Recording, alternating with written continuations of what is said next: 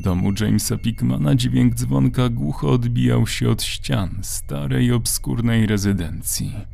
Ta sama tonacja zabrzmiała jeszcze trzy razy, nim właściciel leniwym krokiem niemal przypełzał do drzwi i z jeszcze większą dozą lenistwa, albo może zmęczeniem nacisnął na mosiężną klamkę o zawiniętym niczym wąż zakończeniu. Przed drzwiami zniecierpliwiony już mężczyzna około trzydziestki z pierwszymi oznakami wczesnych zakolni ściskał w ręku czarny notatnik w twardej oprawie i nerwowo lub z głupiego przyzwyczajenia nieprzerwanie bawił się przyciskiem długopisu.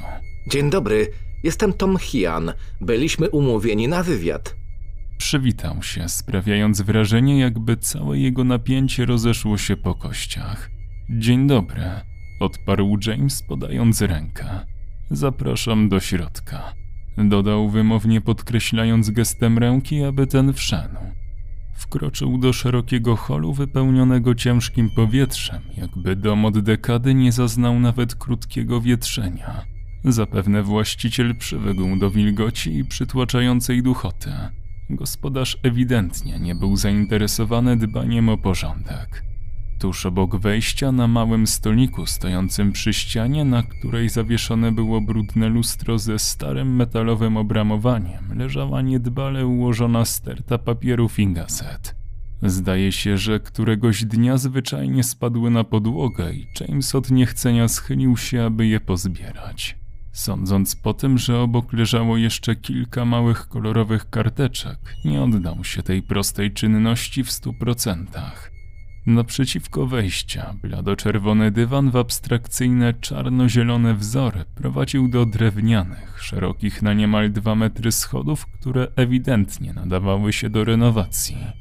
Toma nie zdziwił fakt, że jeden z jego rogów był zawinięty do góry. Ciekawe, ile tu musi gnieździć się pająków i innego paskustwa. Pomyślał, przeleciawszy wzrokiem po suficie, szukając wiszących pajęczyn, jednak blade, chłodne światło wydobywające się z żyrandola nie pozwalało na dokładne oględziny. Kiedy jego oczy nie wychwyciły niczego interesującego, zadał sobie kolejne pytanie. Dlaczego zapala on światło w środku dnia? Wystarczyłoby przecież tylko podnieść żaluzję. Boi się naturalnego światła, czy co? Nim gospodarz kazał mu za nim podążać, zwrócił uwagę na jeden, w zasadzie na dwa identyczne szczegóły stanowiące ozdobę do wspomnianej już klatki schodowej. Mianowicie były to dwa identyczne metrowe posągi, przypominające jakąś mityczną istotę albo nietuzinkowy twór wyobraźni powstały w wyniku hybrydyzacji zwierząt i ludzi. W zasadzie sam wygląd figur nie był sam w sobie imponujący. To, co rzucało się w oczy, to to, że były one czyste, wręcz wypolerowane. Przed wejściem do biblioteki, w której zaplanowany był wywiad z pisarzem, wisiały dwa obrazy. Z prawej był to krzyk Edwarda Mincza, natomiast z lewej był to płaczący chłopiec Giovanniego Bragolina. Oba te obrazy od zawsze wydawały się dla Toma upiorne, ale nigdy nie widział żadnego z nich powieszonego na ścianie, co dopiero dwóch takich dzieł obok siebie. Doprawdy niepokojący widok. W połączeniu z awersyjnym otoczeniem ich groza narastała z każdą chwilą, w której człowiek zawieszał na nich swój wzrok. Na całe szczęście Tom nie był zmuszony do podziwiania tej złowieszczej sztuki. Biblioteka stanowiła imponujący księgozbiór. Masa opasłych tomów, na grzbietach których widniały tytuły w różnych językach. Zdaje się, że dominowała łacina, ale nie sposób byłoby dokonać jednoznacznego stwierdzenia, że tak właśnie jest. Regały były na tyle wysokie, że nie byłoby możliwości sięgnąć po prawie połowę pozycji bez drabiny, w którą notabene biblioteka była zaopatrzona. Pomieszczenie miało swój urok, ale Tom nie mógł znieść jednego. Przekraczając próg pomieszczenia, liczył, że uwolnił się od grozy emanującej z parszywych obrazów zdobiących wejście. Na przeciwległej ścianie pomiędzy dwoma regałami wisiał olbrzymi obraz, który nie pozostawiał marginalnych odległości od sufitu, podłogi oraz drewnianych biblioteczek. Był to obraz równie upiorny co poprzednie. Jego rozmiar dobitnie podkreślał swoją niewytłumaczalną i zarazem zjawiskową aurę niepokoju. Owym nikczemnym dziełem był malunek Williama Stonehama z wolnego tłumaczenia Ręce mu się opierają. James wyrwał zawieszonego w kontemplacjach Toma, proponując, żeby usiadł na skórzanym fotelu przy okrągłym drewnianym stoliku. Wyczuwając jego napięcie, które ponownie wróciło do młodszego od niego, jakieś 15 lat dziennikarza zaproponował whisky, którego Tom nie potrafił odmówić. Co prawda w szklance nie było lodu, ale nie stanowiło to dla niego żadnego problemu. W takim razie zacznijmy naszą rozmowę. Podjął odkładając szklankę na stolik. Proszę uprzejmie, czego pragnie się pan ode mnie dowiedzieć? Odparł łagodnie, kładąc ręce na oparciach. Na początek chciałbym zapytać, dlaczego taki długi czas po premierze pańskiej, zdaje się najlepszej jak dotąd książki w karierze, zgodził się pan na wywiad? Jak dobrze kojarzę, jestem pierwszą osobą od dwóch lat, która dostąpiła tego zaszczytu. Dlaczego porzucił pan media, skoro do tej pory nie stanowiły one dla pana problemu? Śmiem nawet twierdzić, że pokazywanie własnego wizerunku przynosiło panu frajdę. Początek mroku był i jest dla mnie wyjątkowym tytułem. Pracowałem nad nim wiele lat. W międzyczasie wydawałem inne powieści, bo nie byłem gotowy, aby zwieńczyć tę historię. Tworzenie treści do niej było niebanalną przygodą. Książka ta wymagała ode mnie pokładów energii i czasu.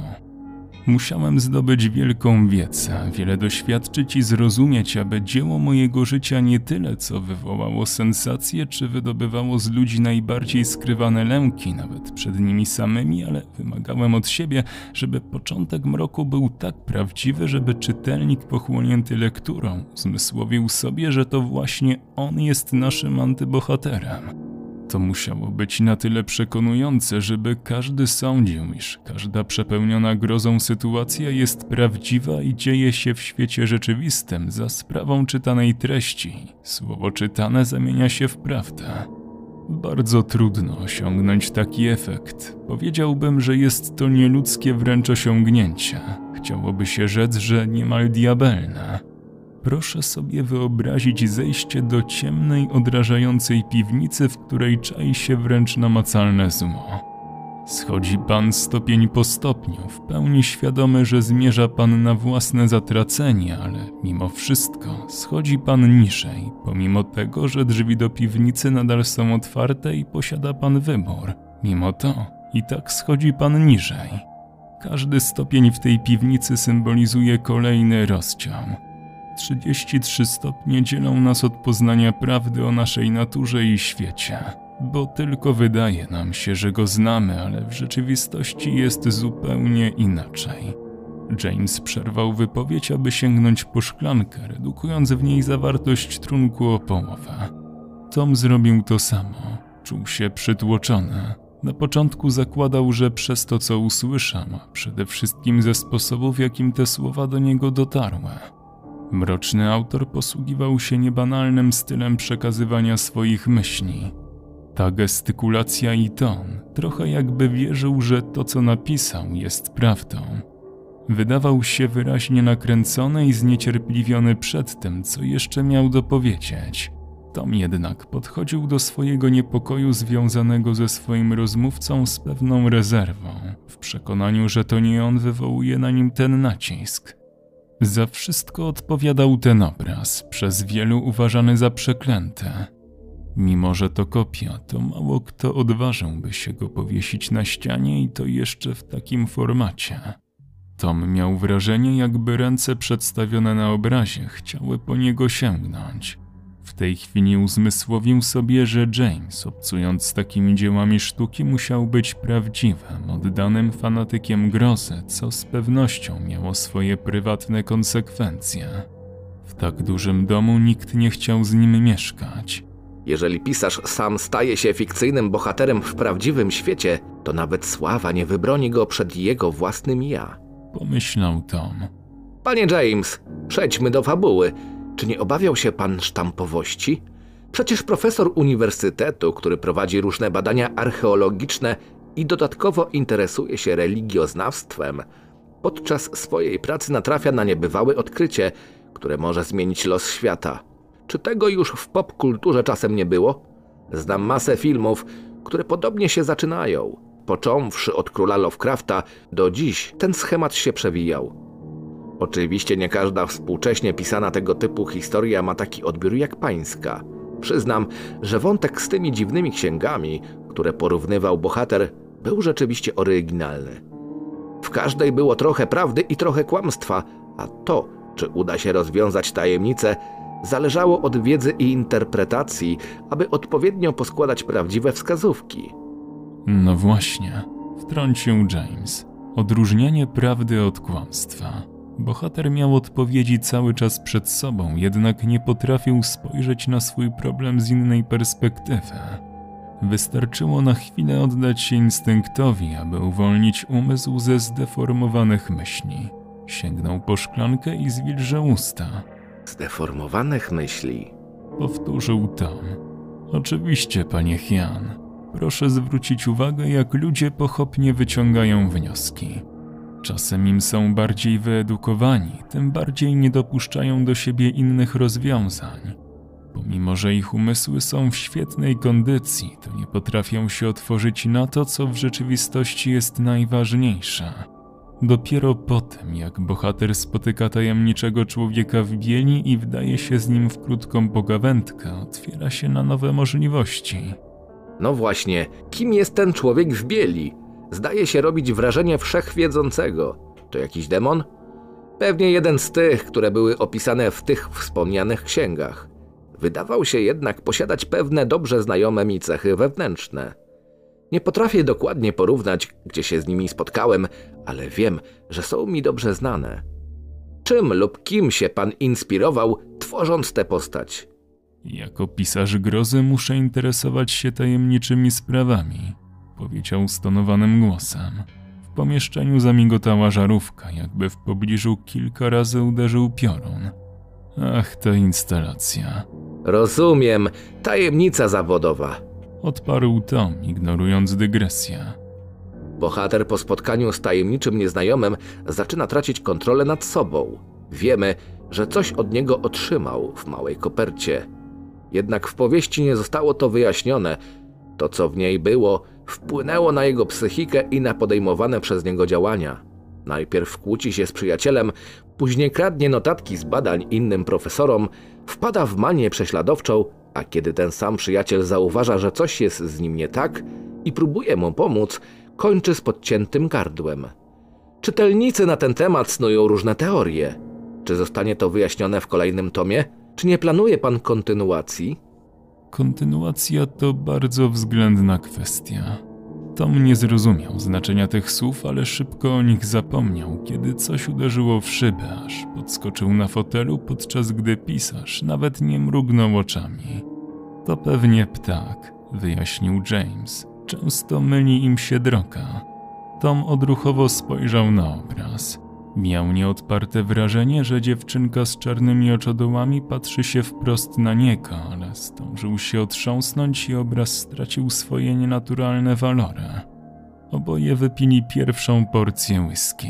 Gospodarz wstał z fotela, podszedł do barku i ponownie wyjął double blacka. Wróciwszy do stolika, aby nalać, Tom zwrócił na coś uwagę.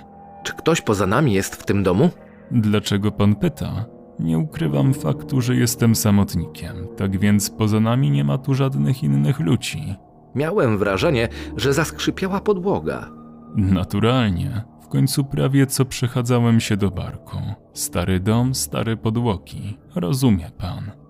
Doskonale rozumiem, ale rzecz w tym, że skrzypienie nie dochodziło z tego pomieszczenia. Może być pan spokojny. Gwarantuję, że to dom. Pewnie ma pan rację. Chciałbym skorzystać z toalety. Jak do niej trafić? Proszę skręcić w prawo w korytarz za schodami. Ostatnie drzwi na prawo. Dziękuję. Zaraz wracam. Tom pociągnął za klamkę i już miał wejść do środka pomieszczenia, kiedy nagle poczuł chłodny, przeszywający powiew smagający go po karku. Odwrócił się, aby sprawdzić, czym został spowodowany. Jak się okazało, drzwi z naprzeciwka również były otwarte, choć był święcie przekonany, że kiedy szedł korytarzem, to wszystkie były zamknięte. Podszedł, aby zerknąć przez powstałą szczelinę. To z pewnością było wejście do piwnicy. Kusiło go, aby sprawdzić pewien niuans, ale powstrzymał się. Zamknął drzwi, odcinając dopływ wilgotnego piwniczego powietrza i ruszył do toalety. Wychodząc z niej, zalała go fala niepokoju. Wytężył słuch, aby usłyszeć jakiekolwiek dźwięki dobiegające z domu. Wyjął też telefon i włączył latarkę. Zobaczył jedynie długie, wąskie i łukowate zejście wykonane z cegły. Strumień światła był za słaby, aby oświetlić to, co znajdowało się na samym dole. Pomyślał o 33 stopniach. Jest tam ktoś? Nie usłyszał odpowiedzi. Szybkim krokiem wrócił do biblioteki, ale nie zastał w niej gospodarza. Uspokoił się, myśląc, że to pewnie James zszedł po coś na dół. Wrócił więc do stolika, chwycił za szklankę, po czym zanotował coś w swoim notesie. Odłożywszy go na bok, dostrzegł, że po drugiej stronie leży zżółknięta koperta, która nie przynosiła mu żadnych pozytywnych skojarzeń. Był sam w pomieszczeniu. No, może nie do końca, zważywszy na towarzyszący mu ponury obraz Williama Stonehama, z którego oczodoły dziewczynki przenikały go nieskończonym mrokiem. W oczach Toma w zasadzie nic nie wyglądało na coś, czego powinien się obawiać, ale w tym domu panowała jakaś szczególnie ciężka atmosfera. Odczuwanie cudzej obecności brzmiałoby zapewne zbyt prostacko, żeby opisać to, co odczuwał dziennikarz. Jednakże był pewien, że James Pickman jest nieco ekscentryczny. Mówił mu o tym cały wystrój jego rezydencji i on sam. Dlatego obecnie najważniejszym punktem tego spotkania było jego zakończenie i uprzejme podziękowanie za wywiad. Piękne, prawda? Powiedział James, stojący za fotelem Toma. Tomowi skoczyło ciśnienie i przez zaskoczenie zachłysnął się whisky. Panie James, ale diabelnie mnie pan przestraszył. Jak w ogóle wszedł pan do pomieszczenia? Przecież zamknąłem drzwi, a nie słyszałem, żeby pan wchodził. Po prostu znam swój dom i potrafię się w nim bezszelestnie poruszać. Odparł podekscytowanym głosem, wpatrując się w ręce, które się opierają. Jak rozumiem, sztuka malarska stanowi dla pana źródło licznych inspiracji. Nieskończonych inspiracji. Poprawił go pisarz. Mam wrażenie, że widzi pan w obrazach nieco więcej niż przeciętny zjadacz chleba. I tak, i nie. Odparł zagadkowo James, zasłaniając widok na upiorną dziewczynkę. Tu nie chodzi o to, czy widzę więcej, czy mniej. Jeśli oboje spojrzelibyśmy na namalowanego zająca, to zapewne ujrzelibyśmy właśnie jego, czyż nie? Tom mruknął pod nosem. Wszystko jest zależne od tego, czego tak naprawdę szukamy w obrazie. Pan chce podziwiać zająca oddanego w każdym, nawet najmniejszym detalu, a mnie interesuje to, co znajduje się za nim. Patrząc na dzieło Williama Stonehama widzisz tylko ręce, które napierają na szybę, a ja widzę, kto naprawdę tam jest i próbuje się wydostać.